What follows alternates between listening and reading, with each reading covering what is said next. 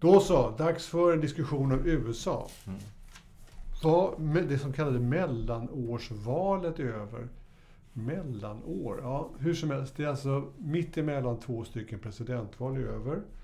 Och ehm, ja, vi ser resultatet av eh, att eh, Demokraterna har behållit makten i senaten men tappat makten i representanthuset. Men det är liksom ingen katastrofal omkastning till någon sorts Trump-liknande styre i USA. Det var ju rätt skönt. Men man kan ju ändå önska sig en massa saker av Amerika. Till exempel att det var som förr. Kanske inte är så, eh, det kanske inte är så bra att tänka att det borde vara som det var förr. Man kanske borde vara lite modernare.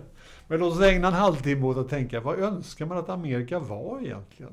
Vad önskar man att det var någonting annat? Ett, Amer ett Amerika styrt av Biden Eh, eller Biden-liknande typer, oavsett om de är demokrater eller republikaner, skulle ju kunna vara ganska bra. Eller hur? Mm. Vad du egentligen eh, längtar efter, det är ju att världen ska vara som den var förr. För att den här typen av polarisering som vi ser i USA, den, den har vi ju själva också. Vi har helt plötsligt Sverigedemokrater. Alltså, det är sådär, den, den lagoma världen håller på att eh, ryckas isär. Eh, alltså, Lincolns republikaner blir ytterhöger. Eh, de här rösterna som har varit tysta i årtionden eller århundraden, eh, de har helt plötsligt fått luft. Alltså Rambos och, och de här eh, som, som bor på landet och är förbaskade på New York och Los Angeles. De helt plötsligt Eh, det är inte braminer i Boston och på Harvard som bestämmer.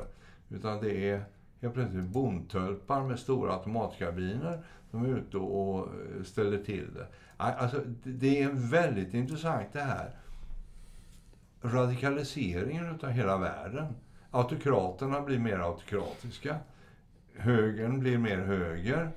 Det enda som är skillnaden är väl det att den radikala vänstern verkar mindre radikal än för 30 år sedan. Det är konstigt. Ja. Men, men tror inte du att folk är som folk alltid har varit? Alltså den politiker som kan leverera hyfsad levnadsstandard, någorlunda vettiga ekonomiska framtidsutsikter, eh, allmän lugn tillvaro, det vill säga inte inre inbördeskrig eller andra krig att den politikern ändå kommer att få folkets förtroende. Om vi tänker oss att vi, fort, vi lever fortfarande i en värld i Europa och fortfarande i USA där vi faktiskt har allmänna val. Och att den, sådana enkla saker blir det som blir valvinnare. Jo, absolut. Men det finns ju någon form så har en bred befolkningsgrupp som tidigare var lydig har fått upp ögonen för en massa saker som inte de gillar. Alltså de, de gillar inte att det kommer in folk över Rio Grande.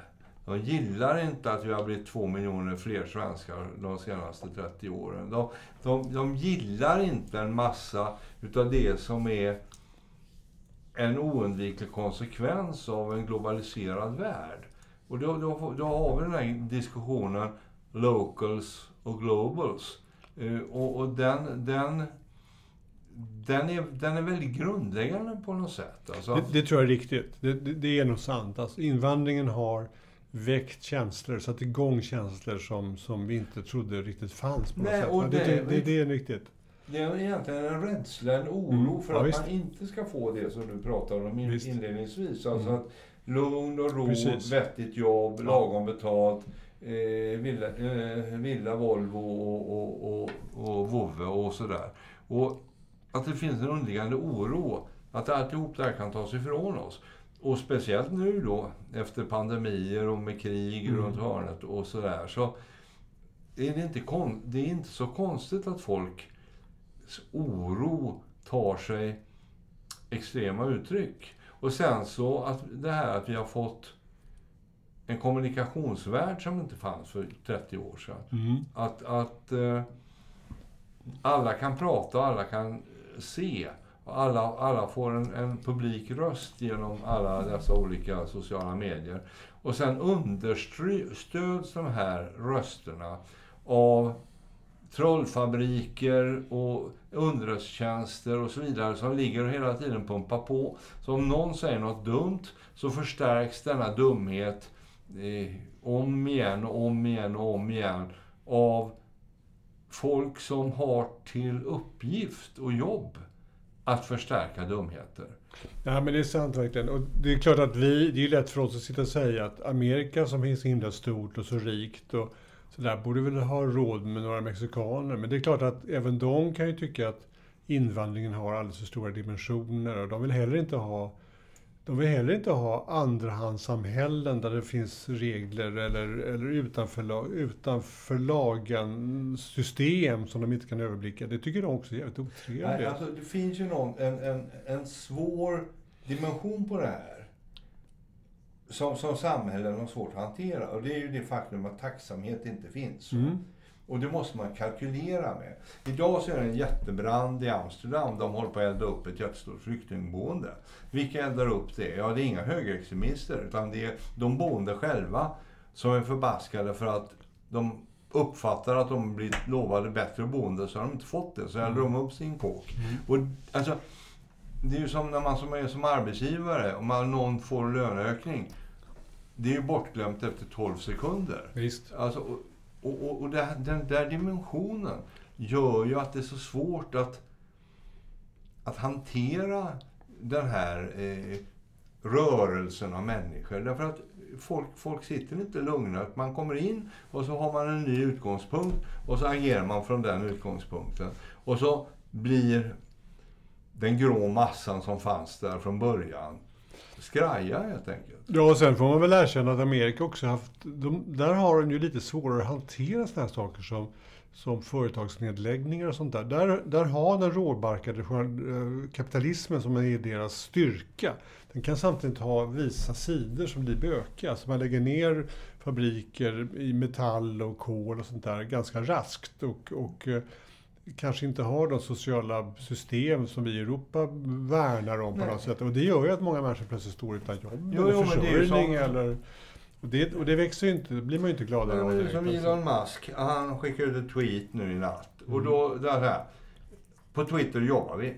Mm. Vi jobbar hela tiden, vi jobbar alltid, vi tänker bara på vårt jobb. Fritt översatt va. Mm. Och ni har till klockan 24 idag på er att acceptera att det är så vi lever på Twitter. Och vill ni ha en massa annat, social ledighet och annat sånt där, ja, då passar ni inte här. Ni får tre månadslöner, vilket är generöst. Mm. Morsning goodbye, va? Mm. Och det är klart att då uppfattas ju det som jättegeneröst. Karl ger oss tre månader om, om vi hoppar av. Han är ju inte skyldig att ge oss någonting. Som, som är ett uttryck för det ja, du säger. Ja, och så drabbar ju inte bara kolfabriker utan även ja. eh, high-tech. Och, och ja, rösten som denne sydamerikan, sydafrikan eh, använder, den är ju råkapitalistisk. Mm. Ja, rätta in er, jobba 24 timmar om dygnet mm. eller hoppa av. Mm. Alltså, det hade man ju inte kunnat säga. Hade chefen för Ericsson sagt det, hade han fått sparken. Det, det, är ju, det är ju bara så.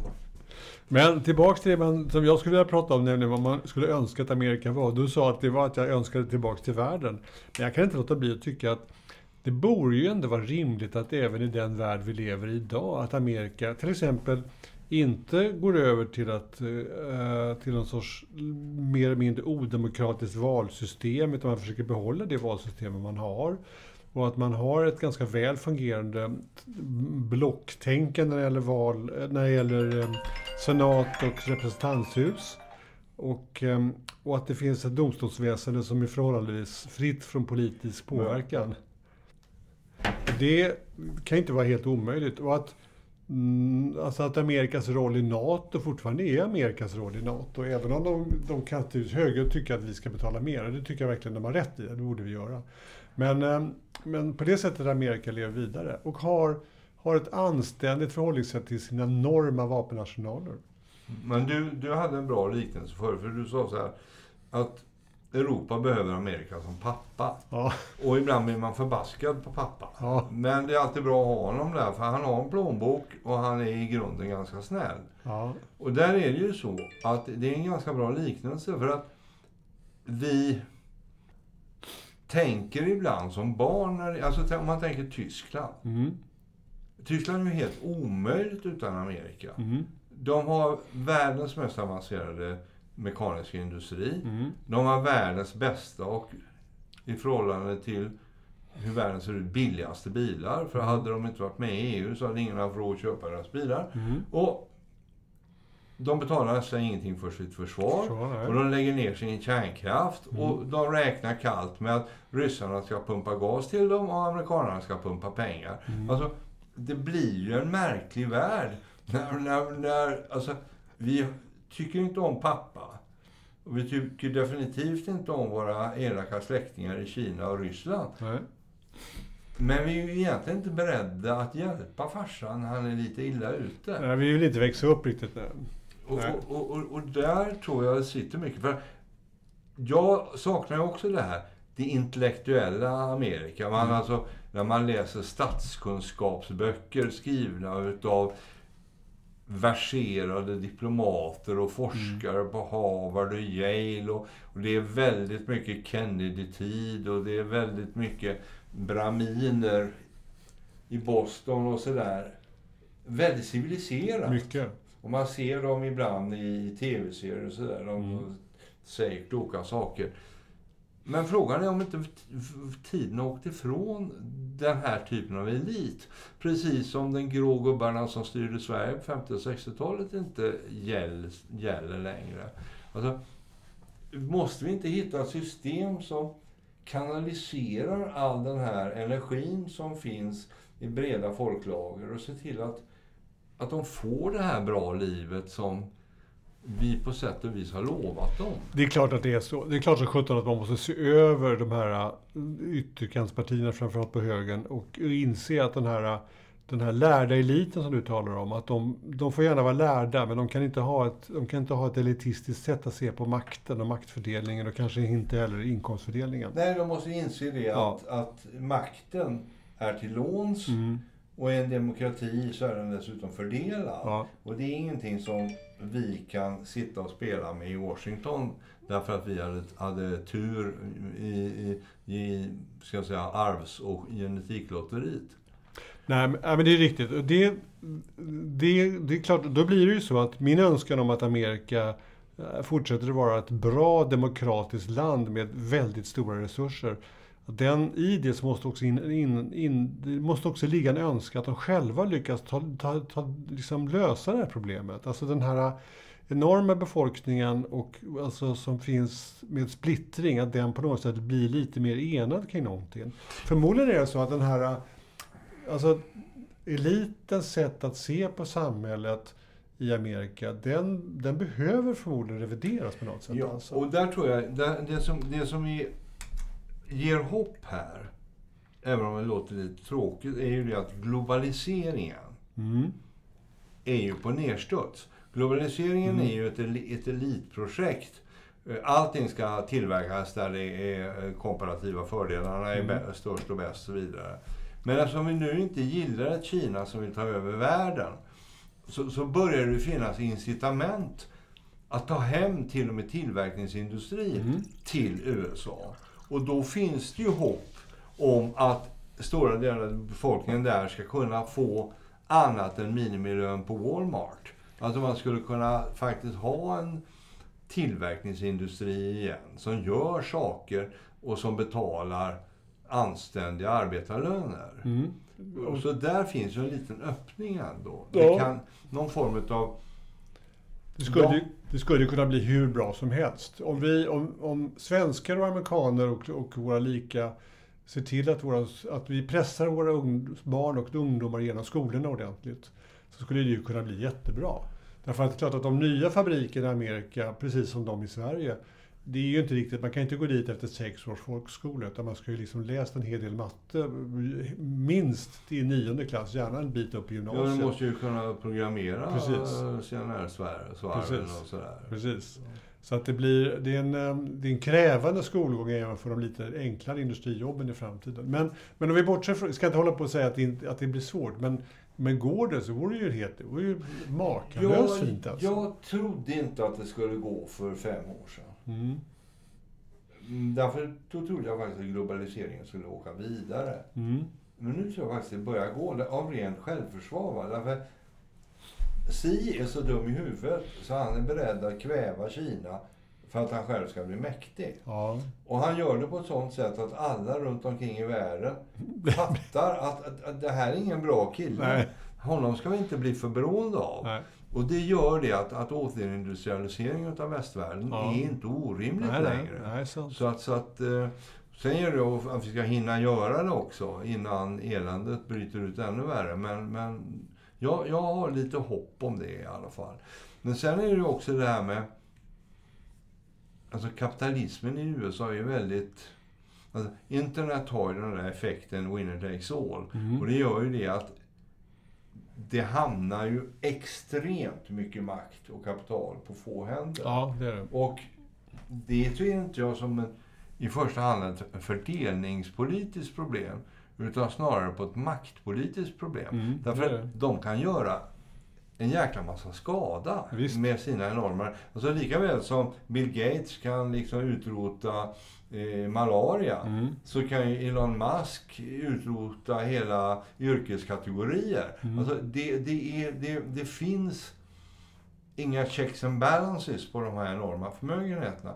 Och det skulle, för då, jag menar, det skulle behövas därför att de kan ställa till dumheter helt enkelt. För Men- de är ju inte allmä, allsmäktiga. Men det måste jag bara, så att jag förstår det rätt. Alltså egentligen är väl den stora faran deras åsiktsinflytande. Alltså att det, det är det det handlar Inte åsikten kanske, men att de är informationsplattformsbärare. Inte själva pengarna, eller missförstod jag det? Nej, nej, det är inte pengar. Alltså, Nej. Pengarna är bara eh, en fara som ett maktmedel. Ja. Alltså, om Musk förstör Twitter Mm. så är det en demokratisk utmaning. Ja. Om Musk bestämmer sig för att nej, vi ska inte göra batterier i USA utan vi gör, gör dem i Mexiko istället. Mm. Då är det okej. Mm. Men om man bestämmer sig för nej, nu stru- struntar jag i det här. Jag vill inte göra batterier längre. Jag lägger ner Tesla. Mm. Alltså, det, det finns ett, en dimension av oberäknelighet hos de här hypermiljardärerna menar. Ja. som, som, som är demokratisk fara. Det är inte det att de är rikare än Kalle nej. utan det är det att de kan projicera makt på ett sätt som stater kunde göra förr. Mm, därför att det är så oerhört mycket pengar. Men därför att jag kan inte låta bli att lägga till att jag tycker ändå att, att inflytandet över Twitter är mer problematiskt än inflytande över Tesla. Därför att, det, för att en informationsbärare spelar så fruktansvärt stor roll i det demokratiska samhället. Och, och en vinkling av Tesla på, på något, åt det ena eller andra hållet blir, kan bli väldigt allvarligt. Vinkling, alltså en, en omändring av, kurs, av, av Tesla är också allvarligt, men av Mm. mindre slag på något sätt. Det är 10 000 arbetare som berörs. Mm. Men, och det är allvarligt. Mm. Men, men, i, men i Twitterfallet eller något liknande, det kan lika Mm. gärna vara Facebook det handlar om, kan det beröra miljoner, miljoner människor. Jo, jo om, om de stora plattformsbärarna bestämmer sig för att eh, censurera Mm, till exempel. så kommer vi ha censur i tio år innan det hinner växa upp eh, alternativa medier som har tillräcklig kritisk massa. Mm. Eller i alla fall fem år. Och det där, det där är också farligt för att eh, där man, har man jobbat sitt liv i media och så har man kunnat säga så här, ja, ägarna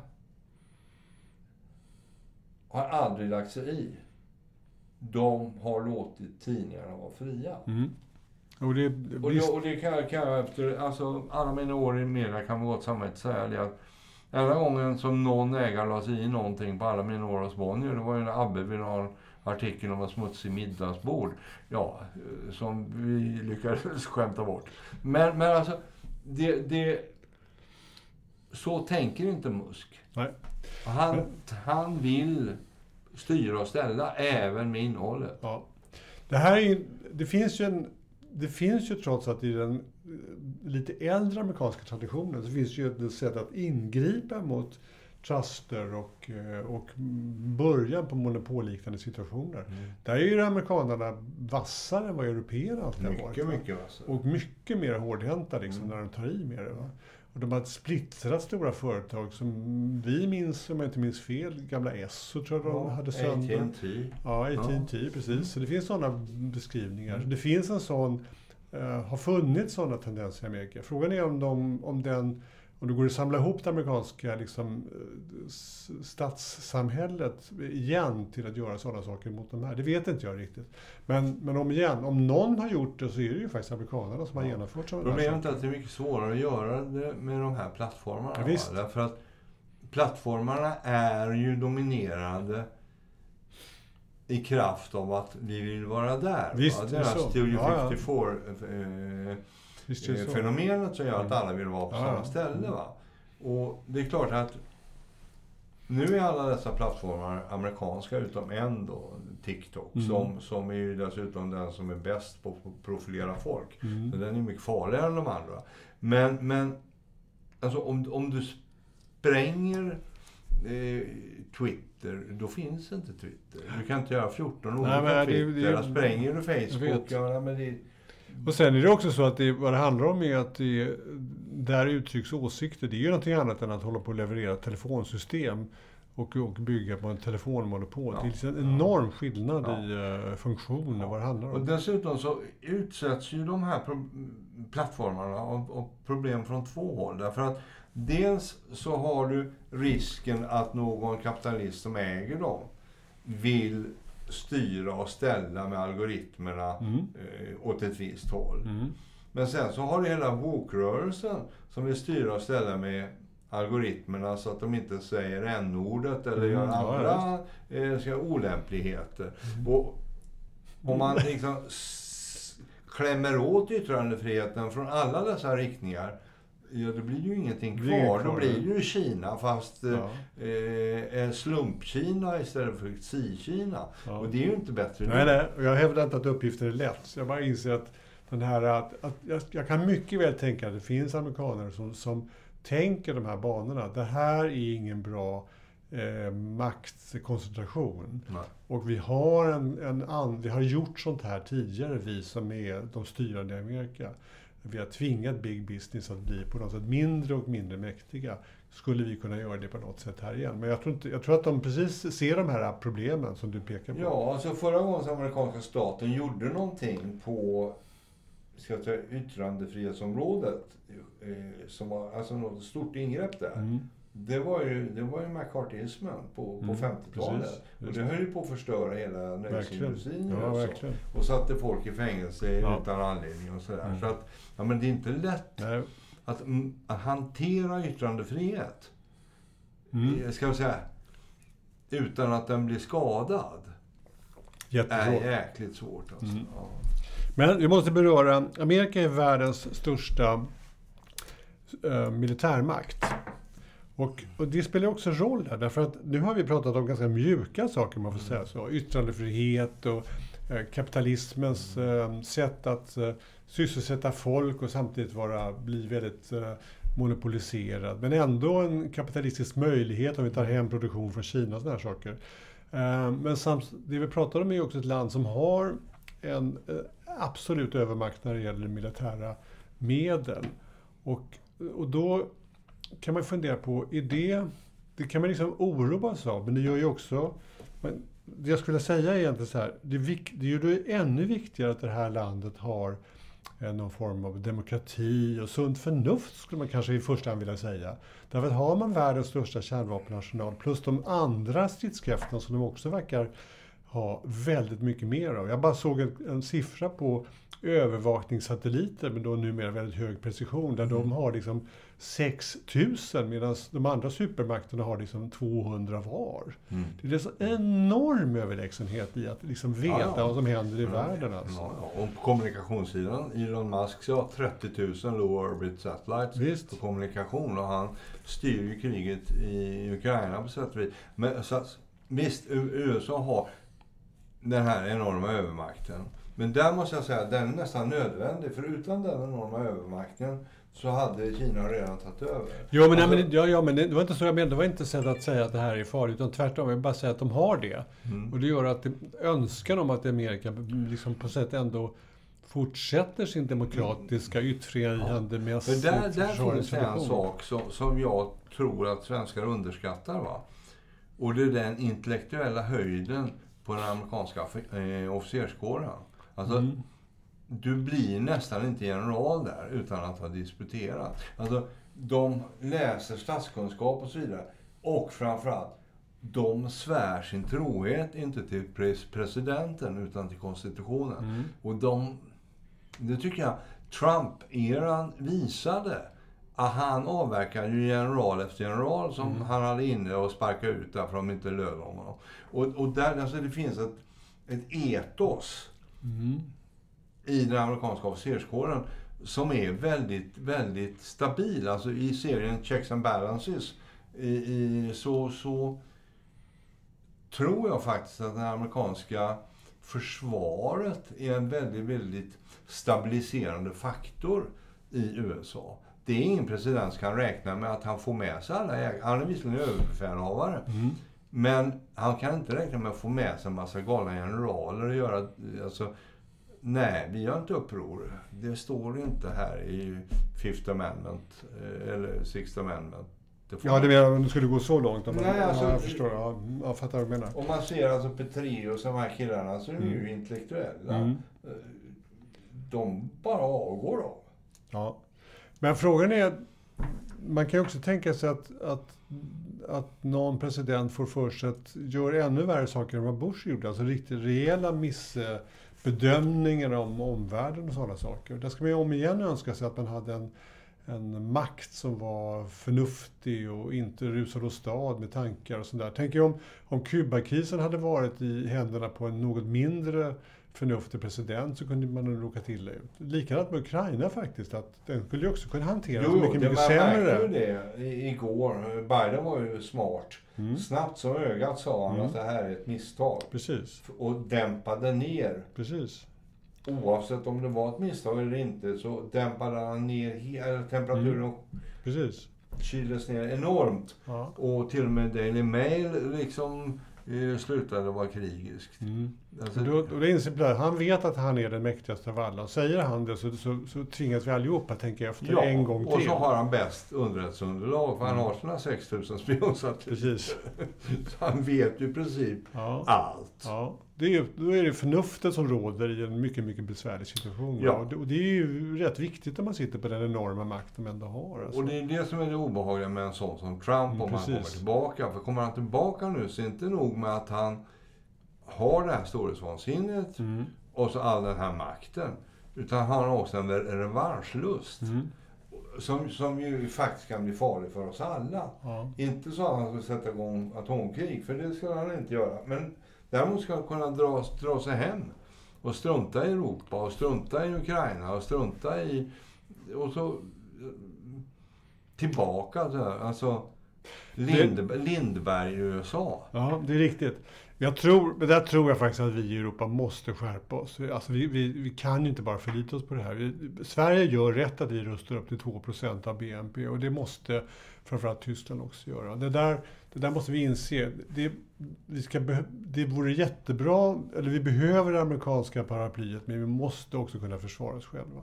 Så att det, där vi, måste, vi måste tänka att Amerika plötsligt en dag säger vi kanske inte har råd med er längre. Utan vi får bidra med vår 1% kanske, så får ni liksom skjuta till resten. Och sånt där. Det måste vi ställa in oss på. Det måste vi göra. Så att vi, men ändå vidmakthålla relationen med USA. jo, men alltså det kan man ju förstå att ju nästan legitimt också. Om du ser Ja. hur lä, lä, lägre medelklass och underklass i USA behöver- lever i precis. förhållande till motsvarande klass i Tyskland eller Visst. Sverige. De behöver pengarna. Det är ju väldig skillnad. Klart. Och det är klart att den typen av drive måste en amerikansk president ta hänsyn Ja. till. Absolut så. Och det, och det är mycket berättigat alltså. Man kan, och då hoppas vi att de gör det under ett eh, planerad lång, med långsiktighet och, och, och talar med oss i Europa på ett faderligt sätt. Och säger att nu, nu börjar ni snart bli vuxna, eller nu är det dags att bli vuxna. Mm. Och uh, det, det, ni får försörja er själva. Det är klart som sjutton att vi är med er och vi hjälper er med våra satelliter och våra kärnvapen finns mm. om de behövs. Mm. Men den här grundläggande försvarsmuren, den måste ni faktiskt upprätthålla med egna pengar. Mm. Mycket, rimlig, ja. mycket rimlig reaktion och synpunkt från Amerika.